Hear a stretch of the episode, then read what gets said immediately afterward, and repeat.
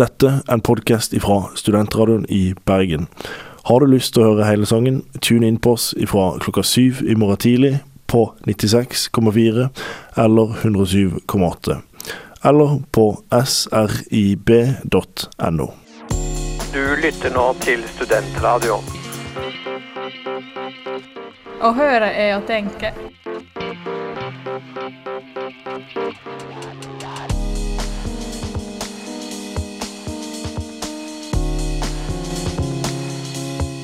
Hei og velkommen til Studentersamfunnet på radio. I dag sender vi utdrag fra Samfunnet sitt program på valvaka mandag. I utdraget hører vi bl.a. fylkesordfører Lars Sponheim og andreplassen på Venstre liste i Bergen, Erlend Horn. Vi sender òg i dag utdrag fra Studentersamfunnet sitt upop-arrangement i går. Temaet der var totalitær massegymnastikk. Den nordkoreanske masseteaterfestivalen Arirang blander propaganda, kunst og nasjonalisme. Resultatet er et unikt show med spor tilbake til nazismen sitt masseopptog. Stipendiat i teatervitenskap Julie Rongve Amundsen forklarer hvorfor Arirang-festivalen er inspirert av gymnastikktradisjonen brukt i totalitære regimer i Europa på 1900-tallet. Åh, jeg kjeder meg. Det er ikke noe å gjøre. Det regner ute. Jeg vil sitte inne. Jeg vil slappe av. Hva skal jeg gjøre? Bare hør på Studentradioen i Bergen. Litt sånn halvveis innsats på sosiale medier fra, eh, fra politikere. Når det er sagt, Jeg er ikke spesielt aktiv på Twitter. Jeg eh, har basert meg på Facebook. Og det er ikke fordi at jeg tror at det alene er noe sånn eh, fantastisk arena til å vinne velgere på, men det har vært en naturlig greie for meg siden det kom i 2007. Men eh, denne valgkampen her for meg har eh, først og fremst handlet om å treffe folk i Bergen. Eh, gå på husbesøk, eh, stå på stand, være på Torgallmeldingen i valgbod, gå i debatter. Og så et intenst mediearbeid, selvfølgelig. Så, så jeg vil jo si at denne valgkampen her har for meg vært preget først og fremst av hva skal si, de tradisjonelle kanalene, men selvfølgelig med litt uh, strødd på det som går på sosiale medier. Men det er mange politikere både i Venstre og i andre partier som er mye mer aktiv i den arenaen enn jeg har vært i denne valgkampen. Det er først og fremst mange unge som er på Facebook og Twitter. Sponheim, tror du velgergrunnlaget til Venstre har endret seg noe siden du drev valgkamp som ung? Ja, nå er det ikke mer enn et, to år og et, et, valg siden da jeg sto eh, oppi dette. Så, men endringene de går hele tiden. Det som kanskje er den største endringen, som, uh, som gjør at andre partier blir mer lik det som har vært Venstres situasjon, nemlig at nå er det et økende antall velgere som skifter parti fra valg til valg. Det har, det har vært tilfellet for Venstre alle de år jeg har vært aktiv. Uh, mens andre partier kunne regne en stor del av velgerne for faste kunder. Det er slutt på. Og den endringen er ganske påfallende. Ellers så tror jeg nok det jeg tror i ettertid vi vil oppsummere har vært eh, kanskje litt banebrytende ved dette valget, det er at ungdom og ungdomsengasjementet har på en måte fått en litt ny plass. Eh, respekten for politikk fra ungdom tror jeg har økt mye. og det det tror jeg er noen av de store effekter av uh, tragedien 22.07. er at vi har fått uh, det, liksom, det, har vært en wake-up call for en hel ungdomsgenerasjon. Ja, nå har vi jo hatt alle tidligere på scenen, særlig de gamle traverne. Nå er ikke du dessverre en av dem ennå, Erlend. Men du, kan vi få deg til å tippe valgdeltakelse? Vi har hatt 68% 65 69 Hvordan tror du, Sponheim, at valgdeltakelsen vil være i år? Nei, altså jeg jeg er veldig optimist. Jeg tror at noe av det viktigste som har skjedd de siste ukene, med det moduset folk er, velgerne på en måte er kommet i, eh, så tror jeg vi får en veldig stor mobilisering. Så jeg vil være så frimodig og gjette at vi går over 70% Det er det høyeste vi har i dag. Erlend, du skal selvfølgelig også få lov å komme med dine gjetninger. Jeg tror òg valgdeltakelsen eh, vil gå opp. Eh, vi ser jo at eh, veldig mange har forhåndsstemt. Her i Bergen er det over 30 000 som har benyttet seg av det. Og det er jo kanskje en indikator på at, at folk har, har, lyst til å engasjere seg i demokratiet. Og, og, så jeg, jeg vil si 69. Det er ikke verst. Og nest siste spørsmål, det går også til deg, Horn. Hvordan skal du eh, ja, Nå er du jo ferdig med en måneds intens valgkamp. Hva skal du gjøre når det er over? Det blir jo et tomrom. Ja, nå begynte jeg på master i sammenlignende politikk for eh, vel tre uker siden. Å kombinere det med å være en av toppkandidatene i valgkamp, det har vært en ekstremsport. sport. så jeg gleder meg jo litt til å faktisk kunne bruke litt tid på studiene. Eh, så får vi se hvordan valgresultatet blir i kveld, eh, avhengig av, av min situasjon etter, etter valget. Men jeg ser virkelig for meg at eh, det blir kjekt å ja, kjekt og kjekt, men det blir, eh, blir viktig å komme tilbake til lesesalsplassen som har stått tom nå i, i tre uker. Eh, og så eh, blir det ulidelig spennende å se i kveld hva resultatet blir. Eh, om vi får Venstre på vippen, den type spørsmål. Som selvfølgelig også vil være med å avgjøre hvordan min hverdag blir eh, fremover også. Tusen takk for at dere kom, fylkesmann i Hordaland Lars Sponheim og Venstres andre kandidat i Bergen.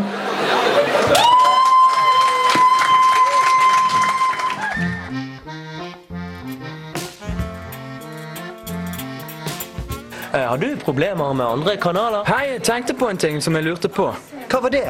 Vet ikke. Kan du gi meg svar? Mm, TV er dritkjedelig. Alt skjer på radio nå til dags. Gjør det. Studentradioen. Det er her det skjer.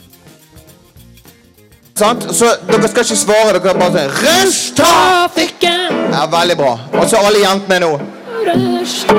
Ja, det var jentene. Og så alle guttene. Rushtrafikken! Ja, og så får vi høre alle mennene nå. Rushtrafikken.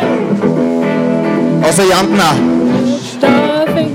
Ja, litt sånn hvisking baki der. Og så guttene. Rushtrafikken! Ja. Jeg heter til. Rushtrafikken! Vanskelig å nå fram til deg. Rushtrafikken! Når alt du gjør å over meg. Å høre er å tenke. Etter en tredjedel av stemmene i Bergen er talt opp, så ser det foreløpig ut til at Rødt får inn to mandater, og Miljøpartiet De Grønne får inn ett mandat. Og Sondre Båtsland, du er førstekandidat for Miljøpartiet De Grønne i Bergen. Hvordan har valgkampen vært for deg? Den har vært veldig positiv. Vi har vært mer synlige enn noen gang, og vi har vært mange flere enn noen gang. Eh, Så det har vært en veldig positiv opplevelse, som nå forhåpentligvis holder helt inn til ett mandat. Hvordan klarer man å starte et helt nytt parti, og ja, det ser ut til at dere får et mandat nå? Hva er historien deres? Nei, Det er jo årevis med hard jobbing og sene kvelder. Det og mye moro. Vi har hatt mange artige aksjoner og har hatt det mye gøy. Det er viktig med humor i politikken. Og Rødt, hvordan har dere det i valgkampen? Kan jo introdusere Sofie Marhaug fra Rødt, som er tredje kandidat for Rødt Bergen til bystyret. Ja,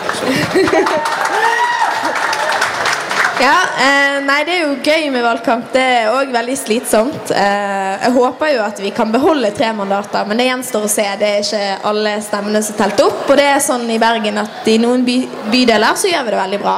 Eh, så det blir veldig spennende å se. Har du noe beste minne fra valgkampen i år? Eh, beste minne fra valgkampen eh, Du gjorde det jo ganske skarpt på partidebatten til Samfunnet her for ikke så lenge siden. Ja, eh, jo jo, det var, eh, det var gøy det. Men eh, ja, nei, det, det var kjekt. Mm. ja. Det beste minnet mitt er vel i ferd med å utspille seg i kveld, så det ser veldig lovende ut. Ja. Eh, hvis dere skal velge én sak dere skal jobbe for hvis dere blir valgt inn, hva er det? Sånn. Eh, Frisk luft har jo vært hovedsaken vår de siste fem årene, så kanskje vi får til noe. Sofie? Jeg vil jobbe for bedre kollektivtransport. Men eh, denne byparlamentarismen, den styringsmodellen vi har i Bergen, den er kanskje ikke så til fordel for små partier som dere representerer? Nei, Vi skulle jo gjerne sett eh, at Bergen gikk tilbake til formannskapsmodellen, som inkluderer alle mye mer enn dagens system som favoriserer de som sitter i byråd. Ja. Men eh, Nei, altså Det er jo et problem at eh, sånn som Sondre, hvis han kommer inn nå, da at han må sitte i komité for finans og jobbe med den slags, og ikke få lov å sitte i komité for miljø og byutvikling. Eh, for eh, det er veldig mye som skjer bak lukkede dører så lenge eh, man har byråd og byparlamentarismemodell. da. Og da eh, Det er udemokratisk for alle partier eh, og for de som velges inn i bystyret. Sofie Marhaug fra Rødt og Sondre Båtsam fra Miljøpartiet De Grønne, tusen takk for at dere tok turen innom eh, vår valgkake i kveld. Da skal det bli mer musikk her fra oss med DJ Axmax og Big P fra Kapp Motherfucka. Da er det bare å spinne that shit.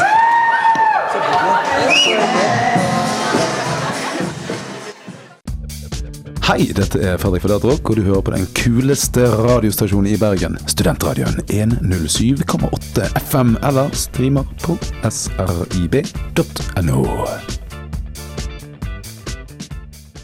Mitt navn er Kåre Willoch.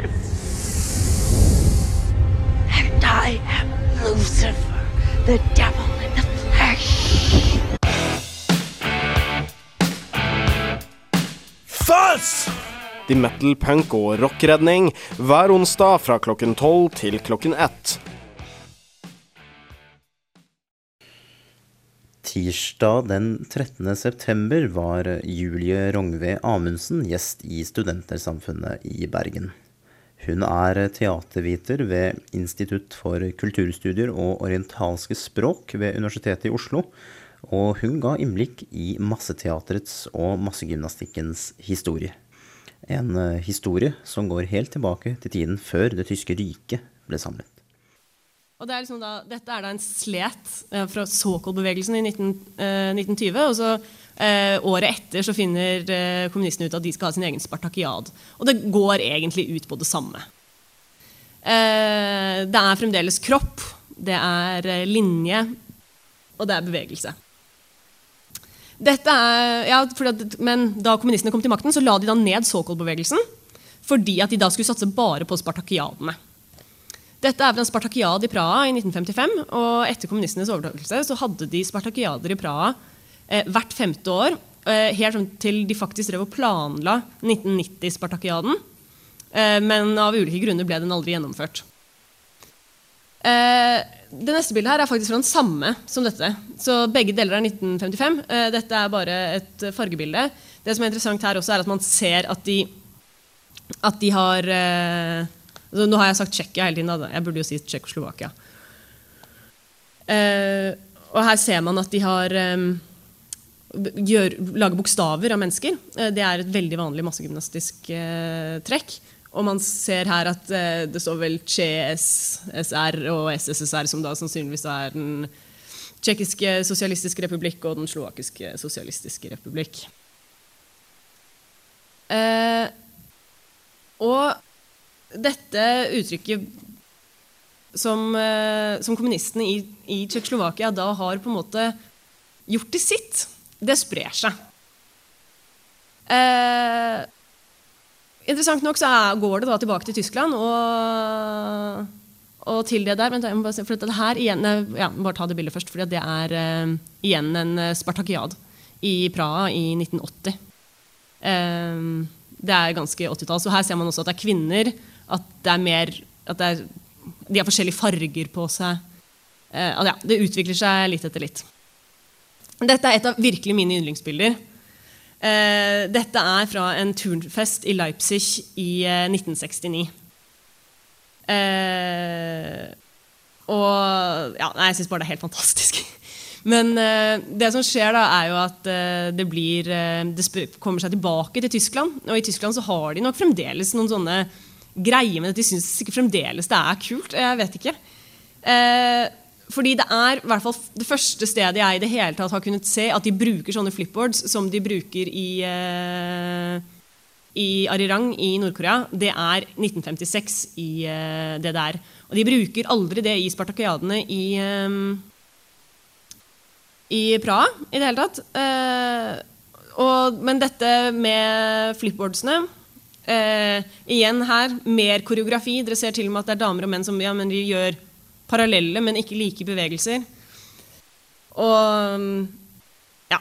Det, men i hvert fall, dette sprer seg til eh, mesteparten av Øst-Europa. Til eh, Jugoslavia. Eh, til eh, Albania. Til Romania. Eh, også utenfor eh, Europa. Til Kambodsja. og også til Kina. Og er, jeg, så det, det er da en blanding av disse uttrykkene, men jeg er helt sikker på at ganske mye av det som vi etter hvert kan se i store deler av eh, Europa og Øst-Europa, det har vært innom det der. Eller de som har laget det, har i hvert fall sett på hva det er de gjør i det der. Eh, det er litt vanskelig å skulle snakke om dette uten å snakke om Sovjetunionen. Eh, mest fordi at Sovjetunionen var eh, som kjent en eh, dominerende politisk og ideologisk faktor i, eh, i østblokken. Eh, men dette fikk en annen, eh, annen historie i Sovjetunionen enn i resten av Øst-Europa.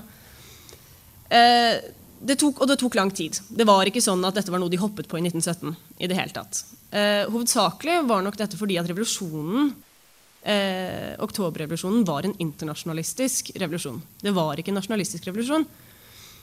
Eh, sånn at de uttrykkene eh, som oppsto i eh, Sovjetunionen like etter revolusjonen og under Lenin, er ganske ulik det som skjer da i, i, resten av Men det skjer jo da også litt senere, men også når man sammenligner med både det som foregikk da ganske tidlig i eh, Tsjekkoslovakia, eller i og det som eh, det tyske eh, og nazistiske, for så vidt.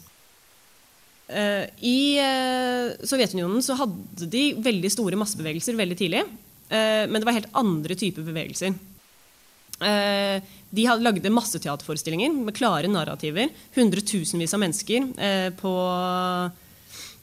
på plassen foran Vinterpalasset i St. Petersburg, hvor de iscenesatte hele revolusjonen tre år etter eh, at revolusjonen fant sted. Eh, de hadde, så de hadde veldig store massebevegelser der også. Men de var ikke eh, koreografert i den forstand som eh, massegymnastikkbevegelsene ble. Her i, eh, på det bildet her, det er eh, fra en Dienfis Fiskultori i, i 1949, som da er en dag for fysisk kultur. Um, hvor de eh, iscenesatte de, altså Det var dager hvor de drev med all mulig idrett, egentlig, og så hadde de også type masse forestillinger. Eh, dette hadde de ofte foran på Den røde plass. Eh, og du hadde som en del av parader. Her ser man også dette er, Jeg husker ikke akkurat når det er, men det tror jeg er på 50-tallet eller noe. Fordi det er jo det som skjer at eh, når Sovjetunionen eller da, skal man si, da Sovjetunionen ble eh, et nasjonalistisk prosjekt. Og utover på 30-tallet så ser man mer og mer og mer av dette nasjonalistiske eh, uttrykket og prosjektet. Um, ja. Og jo, også fordi de, også i Sovjetunionen så hadde de også spartakiader. Bare at spartakiadene var noe annet. Eh, fordi at de mente at de olympiske leker eh, var eh, borgerlige så ville ikke sovjeterne delta i det. Så de lagde sine egne, som het spartakiader. Og så hentet de folk inn fra hele verden som konkurrerte i idrett. Og da hadde de ganske storslagne åpningsseremonier, som ofte besto av massegymnastikk. Når dette kom til eh, Nord-Korea, eh, er veldig vanskelig å, å si. Eh, Mest sannsynlig så startet de med det med en gang etter krigen. Men det fikk nok ikke så veldig stor oppblomstring før på midten av 60-tallet, da personkulten rundt Kim Il-sung eh, trådte i kraft for fullt. Eh, dette bildet her, hvis dere i det hele tatt kan se det, det er fra 1966. Og er um, en markering av uh, 20-årsjubileet for pionerbevegelsen. Mm. Men det er en ganske mye mindre skala enn uh, det vi ser i dag. Men det er i hvert fall en dokumentasjon på at uh, de drev med den type ting allerede da. Uh, utover på 80- og 90-tallet så, så, brukte de det hele tiden. hver gang det ut, hver gang det var en høytid, hver gang en eller annen, særlig da Kim Il-sung gjerne, hadde bursdag. Det hadde han mye.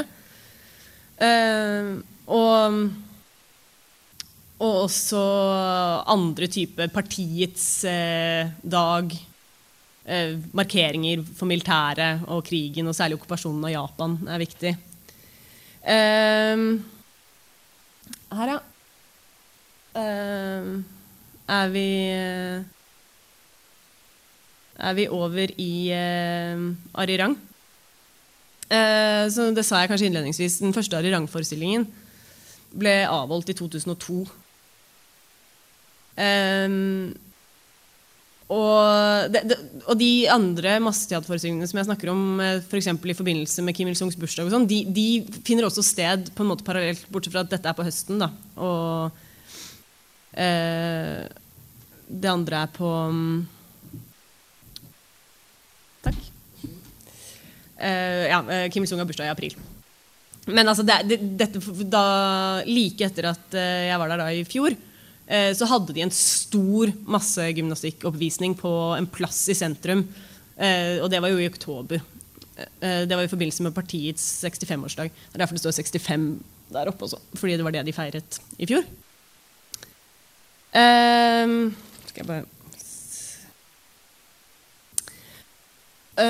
Én ting Hva var det jeg tenkte jeg skulle si nå?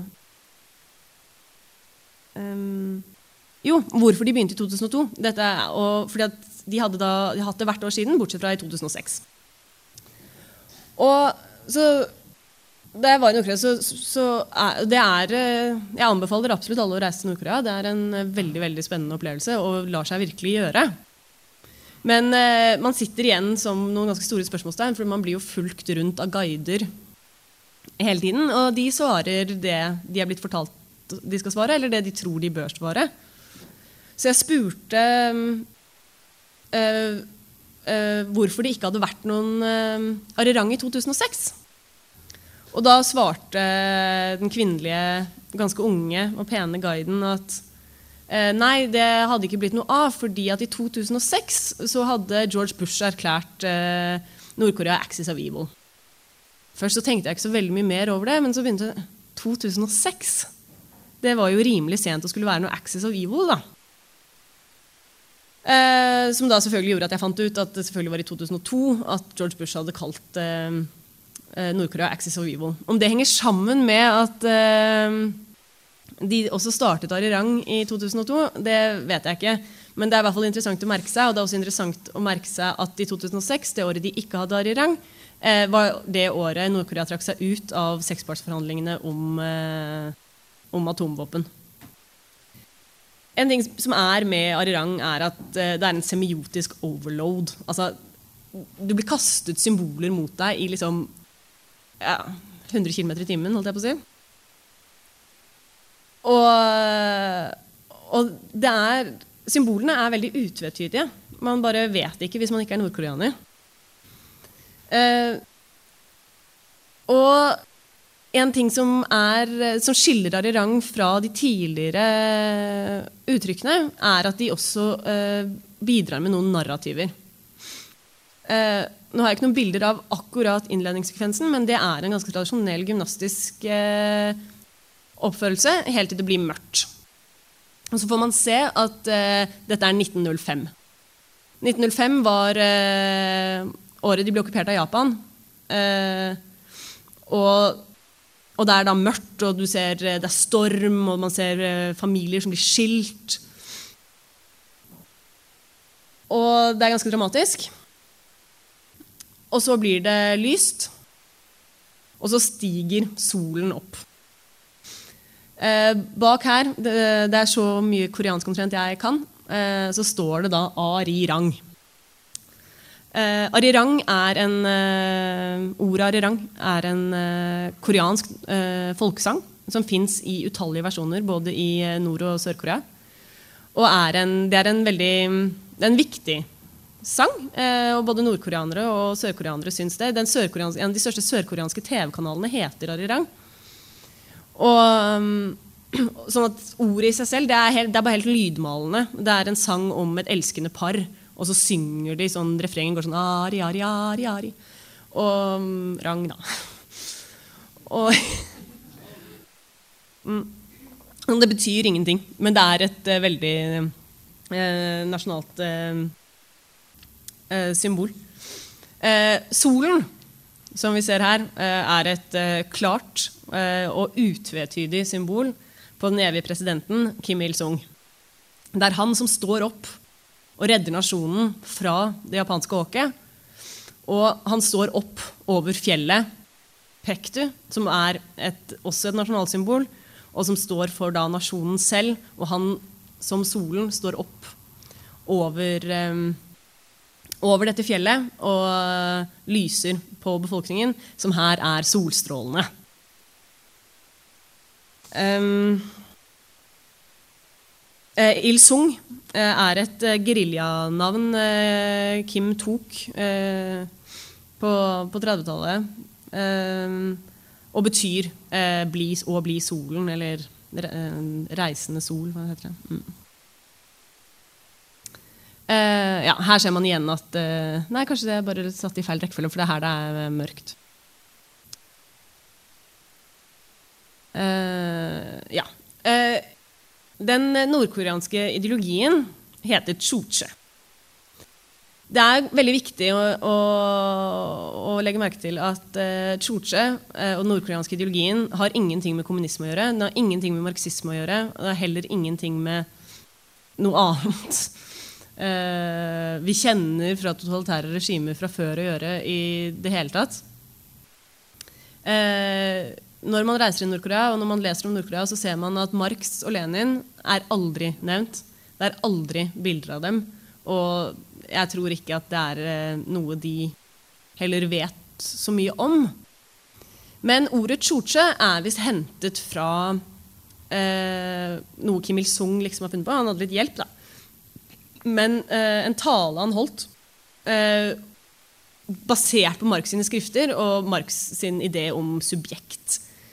Og det eh, Dette var samtidig som eh, Stalin hadde funnet ut at eh, verdensrevolusjonen var, var, litt for mye, sånn at kommunisme i ett land skulle holde.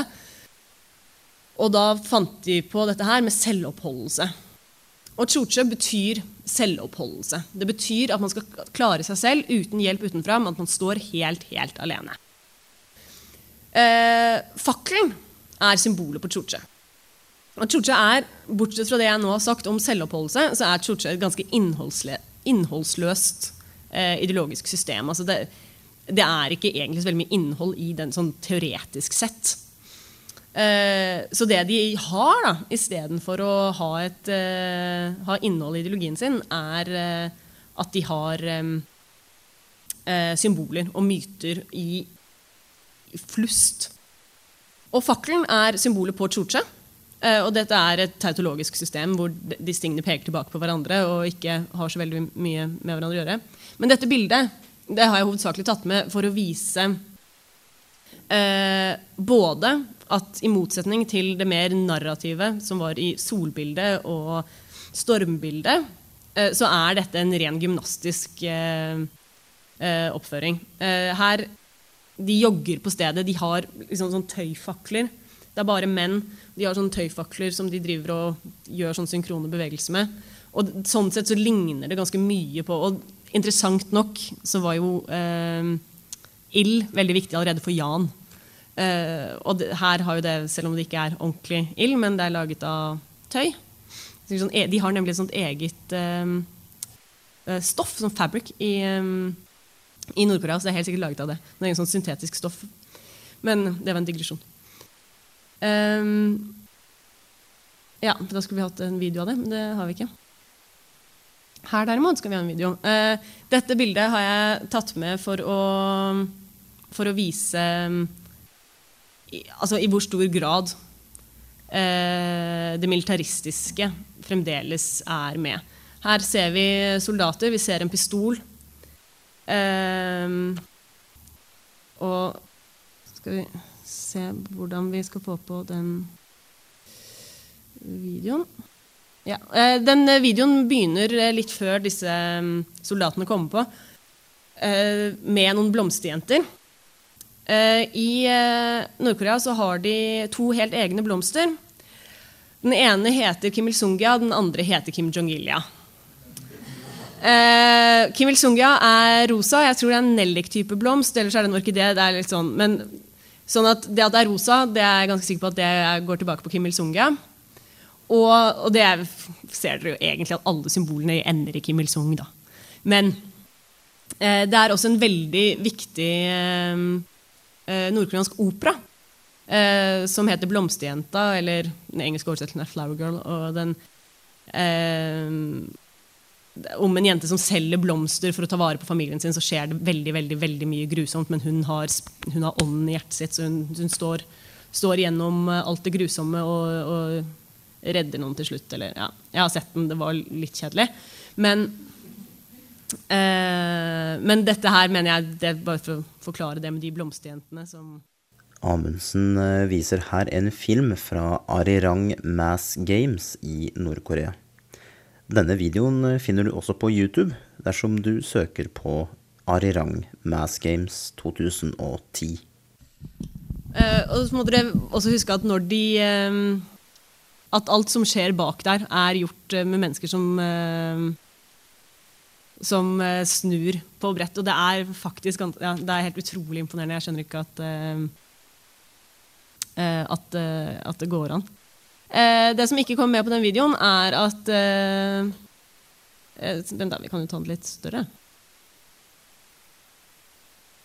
Eh, det som ikke kom med på den videoen, er at hele dette kulminerer da i eh, forestillingens virkelige høydepunkt. Eh, bildet av Kim Il-sung. Eh, han eh, er da omring, omringet av noe gult, eh, som da er en farge som henter hentyder til solen. Eh, og igjen til det rosa, som eh, går tilbake til Kim Il-sung-ja og blomstene. Eh, jeg syns også det er interessant at eh, Nå var jo Kim Il- Kim Il-sung en gammel mann for så vidt da han døde eh, i 1994. Eh, men det er dette bildet som er det foretrukne bildet av ham. Det fins også et annet hvor han er ung og litt sint. Uh, og det er disse, det, dette er disse to sidene som fins av Kim Il-sung. Det fins den sinte, unge geriljalederen, som er uh, alltid beredt til kamp. Og så har du den gode far. Her er det den gode far vi snakker om. Etter dette så tennes en fakkel, og det er liksom fyrverkeri, og det er masse jubel, og det eh, Ja, det er ganske stas. Eh, nå skal vi videre til tror jeg kanskje noe av det jeg syns er mest fascinerende av alt, og det er barnesekvensen. Eh, barn ble tatt med i eh, massegymnastikken allerede i, eh, i Tsjekkoslovakia. Eh, der ble de, og i, i veldig mye av eh, Øst- og Sentral-Europa, så ble de brukt eh, ganske aktivt. Det var, det var selvfølgelig helt, helt ufarlig med barn, det er veldig søtt og hyggelig. Eh, men eh, de symboliserer jo også fremtiden. Og I Tsjekkia så var det sånn at eh, jo eldre partilederne ble, for det ble de jo, de byttet, ble jo ikke byttet ut, sånn at de som hadde overtatt etter andre verdenskrig, de, de satt der jo da regimet falt. Omtrent. Da, men jo eldre de ble, jo yngre ble barna. Så barna der var til slutt tre år gamle eller noe. I, I Jugoslavia så feiret de eh, hvert år eh, Titos bursdag med noe de kalte Ungdommens dag. Hvorfor Ungdommens dag skulle være på Titos bursdag, det er litt vanskelig å forstå, men dette fortsatte de med jo eldre og jo sykere Tito ble, og også etter at han døde. Så det var da både en feiring av en veldig veldig gammel mann og fremtiden med alle disse ungdommene. Eh, det eh, Ja, nei, jeg kan si mer, for jeg har en video av det, og så kan jeg si mer om det. Nok en eh, film viser hun eh, her. Denne gangen er det en opptreden framført utelukkende av barn. Dette finner du også på YouTube ved å søke etter Ari Arirang Mass Games. Uh, jeg ja, jeg syns barnesekvensen er kanskje noe av det aller fineste. Jeg tror kanskje også det er fordi det minner meg litt om sånn barne-TV fra det der man hadde på 80-tallet. Ehm, eh, en ting som jeg syns er verdt å merke seg med barnesekvensene her, eh, sammenlignet med barnesekvensene da særlig i Tsjekkoslovakia, men også i, i Romania og Jugoslavia, eh, er at barna her opptrer helt uten voksne. I, I de andre så var det ofte familiesekvenser, hvor, hvor kvinner og barn særlig da opptrådte sammen. Eh, barna her er helt uten voksne. Eh, også i eh, bildene bak så er det ingen voksne. Dette tror jeg har flere årsaker. Jeg tror en av dem er at dette er en helt deseksualisert forestilling. Altså, kvinnen kan ikke på noe som helst slags tidspunkt i Nord-Korea bli et symbol på fruktbarhet. Det, det, det vil aldri komme til å gå, fordi per definisjon så er hun egentlig ikke det. Så eh, Derfor så kan hun ikke opptre sånn som mor. En annen ting er at i Nord-Korea så er det bare én forelder. Det er bare én person som er både mor og far, og det er Kim Il-sung. Eh, når barna, som i det klippet dere står nå, eh, samler seg foran, så, så idet de løper inn, så roper de 'Oboji'. Det er også et av de veldig få koreanske ordene jeg kan, og det betyr far. Og det står også skrevet bak der, så det, det står en masse ting som jeg ikke forstår, men det, det aller første er 'Oboji'. Eh, og det er fordi de har bare eh, far. Og derfor så, det er i hvert fall min analyse av hvorfor de ikke eh, kan være noen voksne med, verken i leken bak der eller eh, på scenen samtidig som disse barna spiller. Eh, litt sånn avslutningsvis eh, Dette er også ganske sent i forestillingen. Eh, så må jeg bare ta med ett annet svært viktig nordkoreansk symbol. Og det er eh, reunification, eller gjenforening, da. Eh, det har jeg dessverre ikke noe klipp av, men eh, det, er, eh, det er et av de viktigste symbolene i all eh, nordkoreansk mytologi. Eh, Korea er ett land, og korea, koreanere er den reneste rase. Eh, egentlig litt dessverre for, eh, for nordkoreanerne så betyr jo det at sørkoreanerne er like rene. Eh, de er bare dessverre blitt villedet av imperialismen. Eh, sånn at nordkoreanerne går rundt og snakker veldig mye om at de skal bli gjenforent med Sør-Korea. Eh, det er ingen realisme i hvordan dette skal skje, når dette skal skje, eller eh, eh, egentlig hvorfor. Men det er, dette her ren, rene nasjonalismen. Eh, det, eh, her ser man, Dette er film, faktisk. Dette er projisert eh, bak på det der bakteppet, eller hva man skal kalle det. Det er ikke flipboards. Eh, men disse to trekantene symboliserer da hvert sitt Korea. Eh, og de strekker seg mot hverandre, og til slutt så smelter de sammen. Og så utgjør de et riss av hele Korea. Eh, og, ja, og så er det veldig mye, mye, mye lykke. Eh, men eh, ja, Jeg vet ikke om eh, så mye mer jeg skal si om det med gjenforeningen, men eh, det er et veldig viktig og og altomfattende symbol, egentlig. Uh, og man møter det i Nord-Korea hele tiden. Jeg kan jo bare si litt sånn oppsummerende at uh, det er veldig store forskjeller på det som foregår i uh, Nord-Korea i dag, og det som har skjedd i Europa opp gjennom 1800- og 1900-tallet. De har utviklet det i veldig mye større grad i Nord-Korea. Det er derfor de også kaller det gymnastic and artistic performance. Eller Perform Main, som det står på min plakat som jeg kjøpte der. Um, men um, sånn de, Og de har da tilført narrativer. Uh, de har tilført uh, en dyktighet som jeg ikke tror man uh, hadde klart å gi folk disiplin til å finne noe annet sted. Um, men i all hovedsak så ser man at den, ren, den nasjonalismen da, er ligger som, som underlag for, eh, for egentlig alle uttrykkene. Ja. Takk.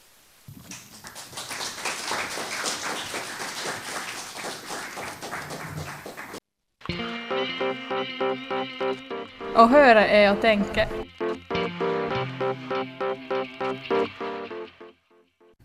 Takk for at du hørte på Studentersamfunnet på radio.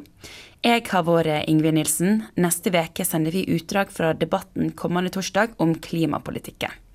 Er du døv? Eller bare litt tunghørt? Sjå srib.no.